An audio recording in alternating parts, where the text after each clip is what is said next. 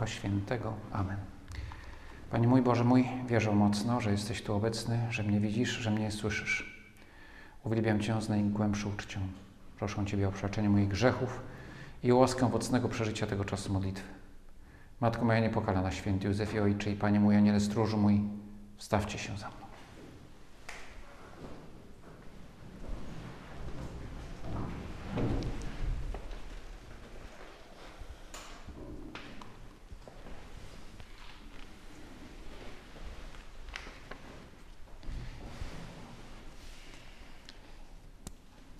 Jezus powiedział do arcykapłanów i starszych ludu: Co myślicie? Pewien człowiek miał dwóch synów. Zwrócił się do pierwszego i rzekł: Dziecko, idź i pracuj dzisiaj w winnicy. Ten odpowiedział: Idę, panie, lecz nie poszedł. Zwrócił się do drugiego i tak samo powiedział. Ten odparł: Nie chcę. Później jednak opamiętał się i poszedł. Który z tych dwóch spełnił wolę ojca? Mówił mu ten drugi. Dziecko, idź i pracuj. Tydzień temu rozważaliśmy przypowieść o gospodarzu, który zatrudnia robotników do swojej winnicy. Rano, przed południem, w południe, po południu zatrudnia kolejnych. Widzieliśmy gospodarza, który mówi: Idźcie, ja wam zapłacę. I ten gospodarz jest hojny, płaci hojnie, jest miłosierny, bo, bo daje pracę tym ludziom i chce, żeby pracowali, żeby mieli zarobek. Chciałoby się mieć takiego szefa, można by powiedzieć. Tym niemniej, w tej poprzedniej przypowieści, relacja między Panem, czyli Bogiem, no bo oczywiście ten gospodarz jest obrazem Boga, to jest relacja taka handlowa. Gospodarz, pracodawca, robotnicy. Tam ta przypowieść nie była skupiona na relacji między gospodarzem a robotnikami, tylko bardziej na sensie pracy w winnicy i na miłosierdziu gospodarza, czyli Boga. W dzisiejszej przypowieści też jest mowa o pracy w winnicy, ale Pan Jezus na co innego zwraca uwagę.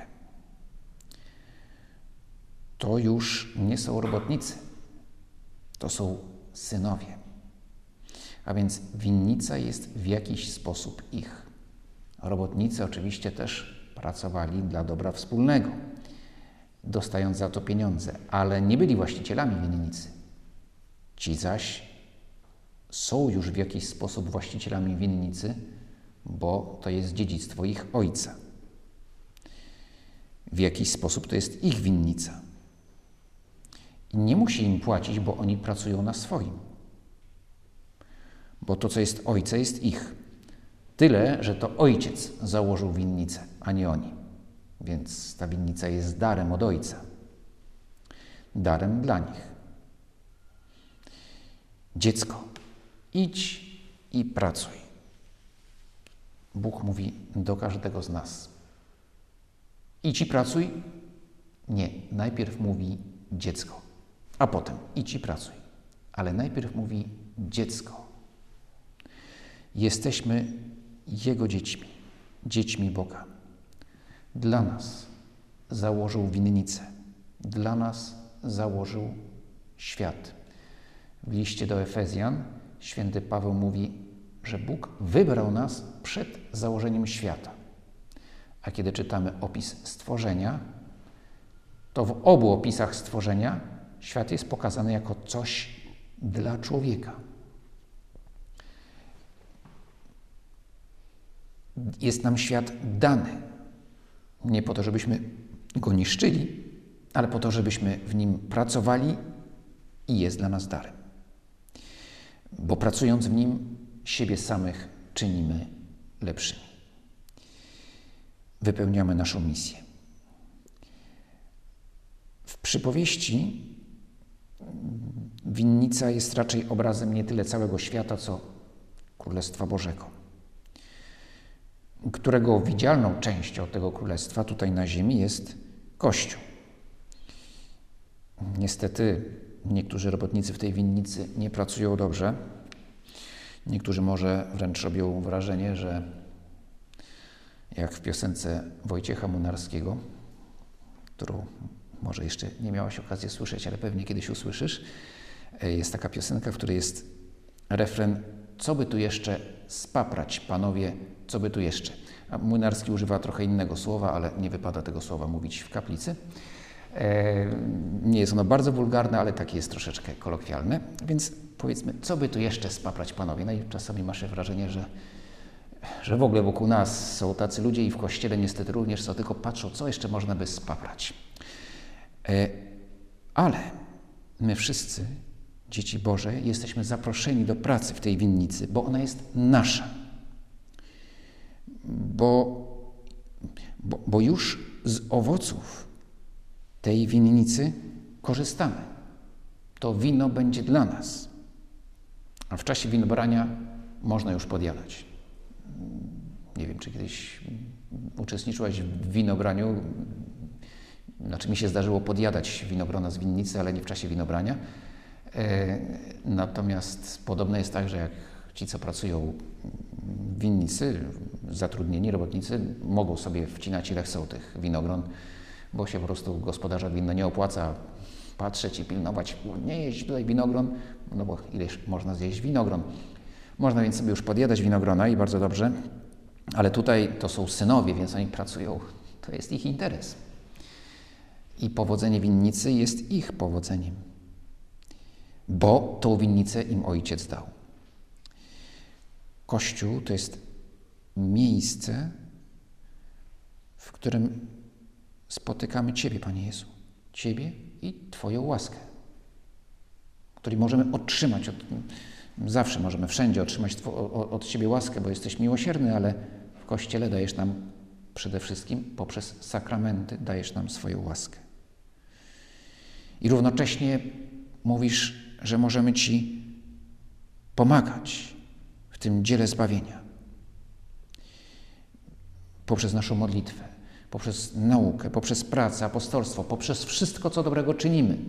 Również w, tych zwykłych, codziennych relacjach, które, które mamy, przyjaźni w domu, relacjach rodzinnych, nie tylko w pracy, również w odpoczynku, zawsze możemy czynić dobro i wtedy pracujemy w winnicy i wtedy budujemy Królestwo Boże. A jeśli czasami widzimy w tej winnicy, w kościele, obiboków czy złodziei, w sensie symbolicznym, w każdym razie tych, którzy powinni pracować, a nie pracują dla Pana i, i, i dla Kościoła, i, i może budzą nasze zgorszenie, tym bardziej chcemy dobrze pracować, bo winnica jest Twoja, Panie Boże. A z Twojej woli jest też i moja, dlatego chcę w niej pracować. Pisze święty Josemaryja w, w książce Kuźnia. Jesteśmy dziećmi Bożymi. To w ogóle jest pierwsze zdanie tej książki. Jesteśmy dziećmi Bożymi. Nosicielami jedynego płomienia zdolnego w stanie oświecić ziemskie drogi dusz. Jedynego blasku, w którym nie będzie nigdy miejsca dla ciemności, mroku ani cienia. A tym światłem jest oczywiście sam Bóg, sam Chrystus, który stał się człowiekiem. My Go niesiemy. My Ciebie, Panie Jezu, niesiemy. Ciebie samego w Twoim Słowie, ale również w sakramentach, które daje Kościół. Pan posługuje się nami jak pochodniami, by światło to świeciło. Od nas zależy, by wielu ludzi nie pozostawało w ciemnościach, lecz kroczyło drogami, które prowadzą do życia wiecznego. Dziecko, idź, pracuj. Zawsze, kiedy słuchamy o wymaganiach, które stawia nam Bóg, pamiętajmy, że On najpierw mówi dziecko. Najpierw przypomina, kim dla Niego jesteśmy, a jesteśmy Jego dziećmi. Potem te wymagania, które stawia, to wezwanie najpierw w ogóle do, do pracy, do zaangażowania, ostatecznie do miłości, która jest wymagająca, która, która jest trudna. Potem warunki, aby kochać, a więc wymagania moralne, również zakazy czy nakazy, które brzmią surowo czasami brzmią tak bardzo ostro. Nie kradnij, nie cudzołóż. I Pan Jezus również mówi twardo. I nieraz upomina, nawet i w tej przypowieści. Później, tłumacząc ją, zwraca się do słuchaczy. No, mówiąc, panowie, wy jesteście jak ten pierwszy syn. Mówicie, tak, tak, idziemy, idziemy. I nie idziecie. Więc Pan, Pan Jezus stawia wymagania, ale równocześnie przypomina nam, że przed że Bóg nam stawia wymagania, bo jesteśmy Jego dziećmi, bo chce nas w swojej winnicy, bo daje nam swoją winnicę. I wymagania są twarde, bo miłość jest bezkompromisowa. Bo nasza wolność jest rzeczywista. My naprawdę jesteśmy wolni. Możemy wybierać między dobrem i złem. Dobrem to znaczy Bogiem, złem to znaczy tym wszystkim, co nas od Boga odwraca. Ale zawsze, słuchając tych wymagań, które może czasami nas nawet mogą przestraszyć, pamiętajmy, że najpierw Bóg mówi dziecko. Bo cokolwiek od nas chce, to najpierw mówi nam, że daje nam siebie samego, bo jest naszym Ojcem. Obaj synowie z przypowieści tego nie zauważają.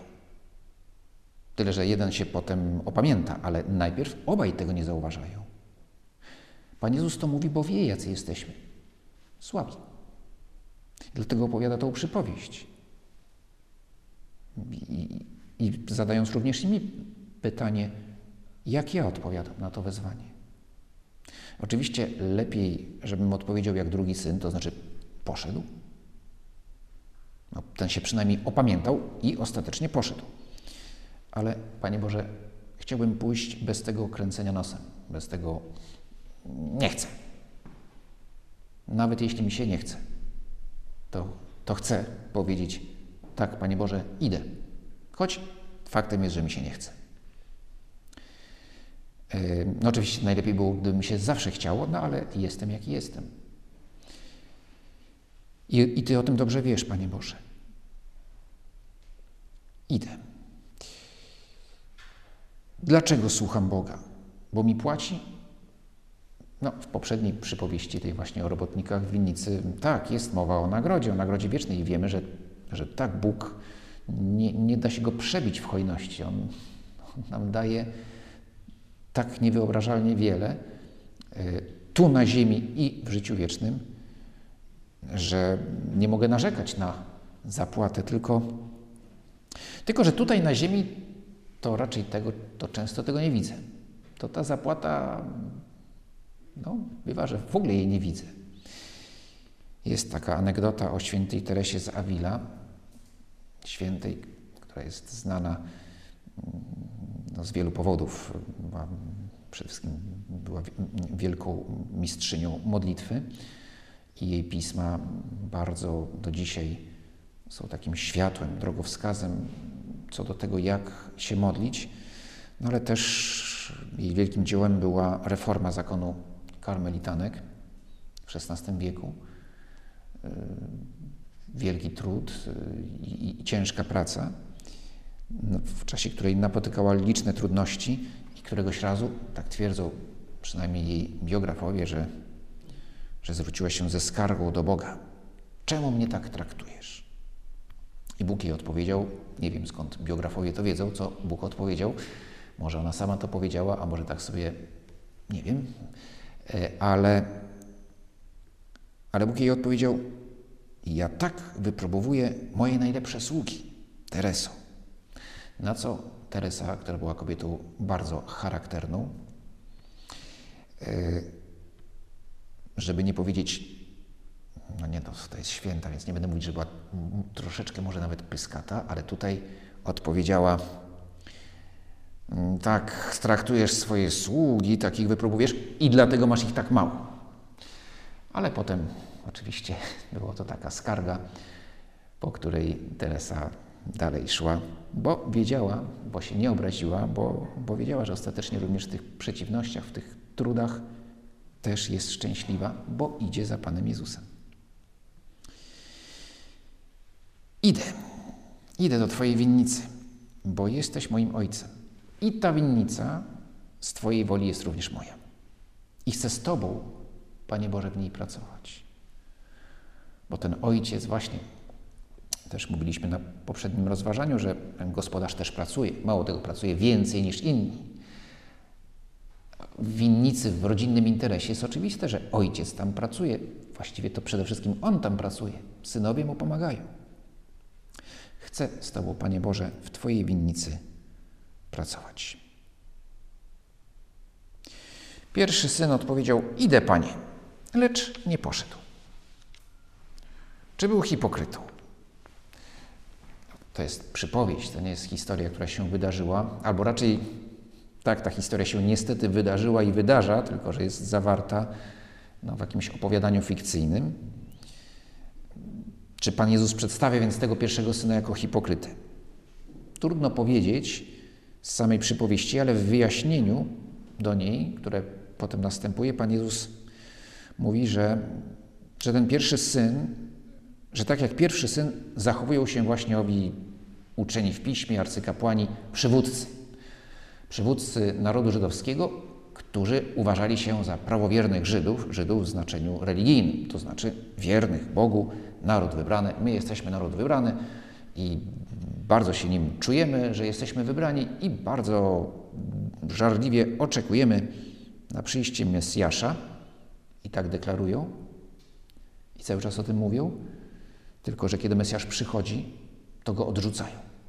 Czyli mówią, idę, idę, a kiedy przychodzi co do czego, no dobra, to, to tu jest, to jest konkretnie, macie tutaj sekator, wtedy pewnie nie było sekatorów, na jakieś tam było inne urządzenia do obcinania y, winogron, no, no nie, to, to mi się nie chce, nie, to, to, yy, to nie idę. Wtedy Jezus rzekł do nich: Zaprawdę powiadam wam, celnicy i nierządnice wchodzą przed wami do Królestwa Niebieskiego. Przyszedł bowiem do was Jan drogą sprawiedliwości, a wy mu nie uwierzyliście. Uwierzyli mu zaś celnicy i nierządnice. Wy patrzyliście na to, ale nawet później nie opamiętaliście się, żeby mu uwierzyć. I w tym pierwszym synu możemy zobaczyć nas samych, choć może nie, nie w ten sposób, nie zawsze w ten sposób, jakowi, jakowi przywódcy żydowscy. Dużo mówią, ale ostatecznie nie robią. Ale może się zdarzyć co innego. Mianowicie, że, że owszem, mamy dobre chęci, ale potem brakuje z naszej winy, brakuje nam sił, żeby podjąć wysiłek. Dzieje się tak wtedy, kiedy brakuje nam dobrych nawyków, kiedy tego, co nazywamy cnotami, czyli pewnej sprawności w czynieniu dobra, bo tym jest właśnie cnota. Sprawność w czynieniu dobra. Jeśli od siebie nie potrafię wymagać w codziennych sprawach, jeśli nie pracuję nad swoim charakterem, to trudno jest mi odpowiedzieć na wezwanie Pana Jezusa, które jest tak radykalne. Jeśli nie umiem wstać punktualnie, to jak mam iść na cały świat i głosić Ewangelię? Najpierw trzeba w ogóle wstać z łóżka, żeby budować Królestwo Boże. W ten czy w inny sposób. Jeśli nie potrafię odłożyć telefonu i popatrzeć się wokół, to jak mam zobaczyć bliźniego w potrzebie, o którym, o czym mówi Pan Jezus w przypowieści o miłosiernym Samarytaninie? Jeśli cenię sobie wygodę ponad wszystko, to jak mam wziąć codzienny krzyż i poświęcić się, czy nawet przyjąć jakieś cierpienie, które może mi się przydarzyć? Jeśli na przykład nie umiem czy nie staram się, nie próbuję zapominać, wybaczać drobnych jakichś urazów ze strony moich bliźnich, to jak mogę odpowiedzieć na wezwanie błogosławieni miłosierni, albowiem miłosierdzia dostąpią? Jeśli nie mogę zapom zapomnieć, że przed trzema miesiącami e, koleżanka z grupy e, nie dała mi ściągnąć na kolokwium bardzo często dobrze robiąc, tak? bo dzięki temu chroniąc mnie przed grzechem, ale, ale nie, nie mogę tego zapomnieć, nie mogę wybaczyć. No, no, no właśnie. No dobrze, to akurat może nie jest najlepszy przykład, ale, ale że ktoś rzeczywiście mi wyrządził jakąś krzywdę, a co najmniej tak mi się wydaje, nie potrafię tego wybaczyć, to jak ja mogę odpowiedzieć Bogu, Panu Jezusowi na, na to, co, co do mnie mówi w, w kazaniu na górze błogosławieni miłosierni, albo miłosierdzia dostąpił. Zwrócił się do drugiego i to samo powiedział. Ten odparł: Nie chcę. Później jednak opamiętał się i poszedł. Najpierw porażka, ale potem się podnosi i idzie. Ten drugi syn niewątpliwie też był słaby. Kiedy Pan Jezus podaje ten drugi przy, przykład właśnie jako pozytywny, celnicy i nierządnice, czyli dwie kategorie najbardziej pogardzane i nie bez powodu w ówczesnym społeczeństwie. Znaczy dwie kategorie ludzi, którzy żyli, z, no nawet trudno powiedzieć, że to była praca, prawda, no z czegoś bardzo niemoralnego. Celnicy okradając, łupiąc yy, swoich ziomków, no a nierządnice wiadomo, z czego żyły. Więc to nie mówię, że to jest ideał, bo to nie jest żaden ideał. Oni są pogubieni, strasznie pogubieni. Ale opamiętują się i idą i się nawracają. Więc ja bym chciał iść jeszcze bez, bez tego właśnie e, wcześniej nie upadając, ale, ale dobrze, jaka, co jest takiego co ma ten drugi syn, co sprawia, że jednak poszedł? Dwie rzeczy. Po pierwsze, jest szczery.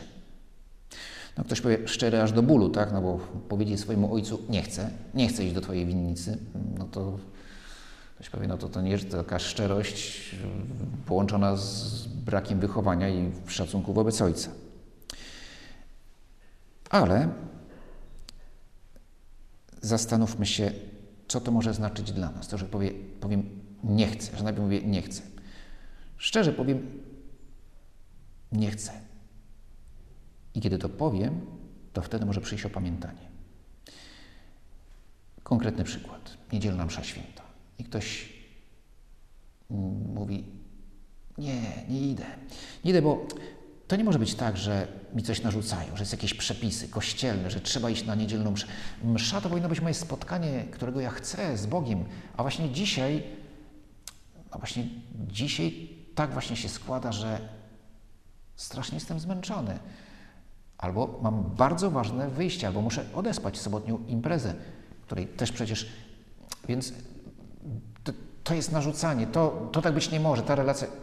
I buduję sobie jakąś teorię, która ostatecznie, żeby przykryć prosty fakt. Nie chce mi się, bo nie czuję, nie kocham wystarczająco.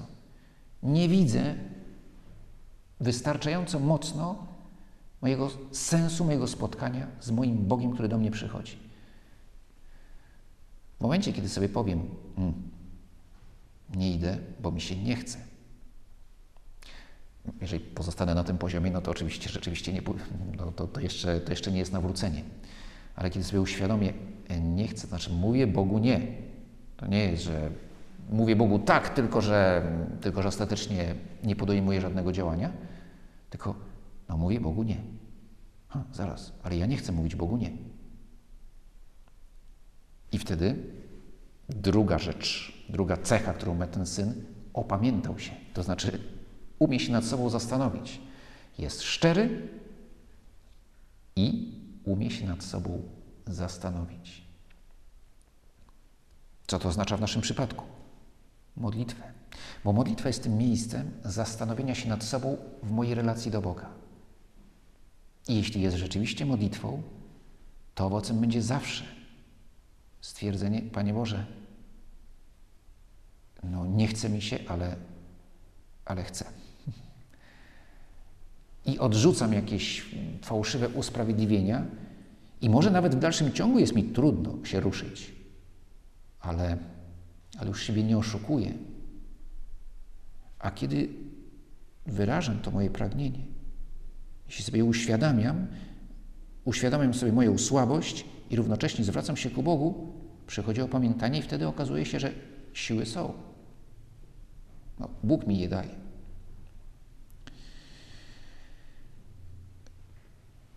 Opamiętał się drugi syn, pomyślał: To jest mój ojciec, to jest moja winnica, więc idę. Panie Boże, kosztuje mnie to. Nie rozumiem, dlaczego przykazania są takie trudne. Ale nie rozumiem, dlaczego, skoro już była mowa o tej uczciwości na, na egzaminach, nie rozumiem, dlaczego muszę się trzymać tych zasad uczciwości, skoro inni są nieuczciwi, na tym zyskuje, zyskują, to, to czemu nie ja? To jest trudne, ale kiedy się opamiętam i patrzę, tak, ale Ty mi tę drogę pokazujesz. Drogę w, w tym przypadku uczciwości, lojalności. Więc ufam Tobie i idę. Maryja odpowiedziała tak od razu. No, ktoś powie, no może tak nie od razu, bo najpierw tam jednak zadała pytanie aniołowi, o co dokładnie chodzi, ale to nie było, to nie było nie chcę. Maryja nie powiedziała nie chcę, tylko powiedziała chcę wiedzieć, wyjaśnij mi, o co chodzi. I kiedy już wie, na czym polega jej misja, wtedy odpowiada bez wahania tak. Panie Boże, proszę Cię, żebym ja też był nie tylko uniknąć, nie tylko nie chcę być jak ten pierwszy syn, nie chcę być też jak ten drugi. Chcę, chcę być tym trzecim, który mówi: tak, idę. Tak właśnie jak powiedziała ona.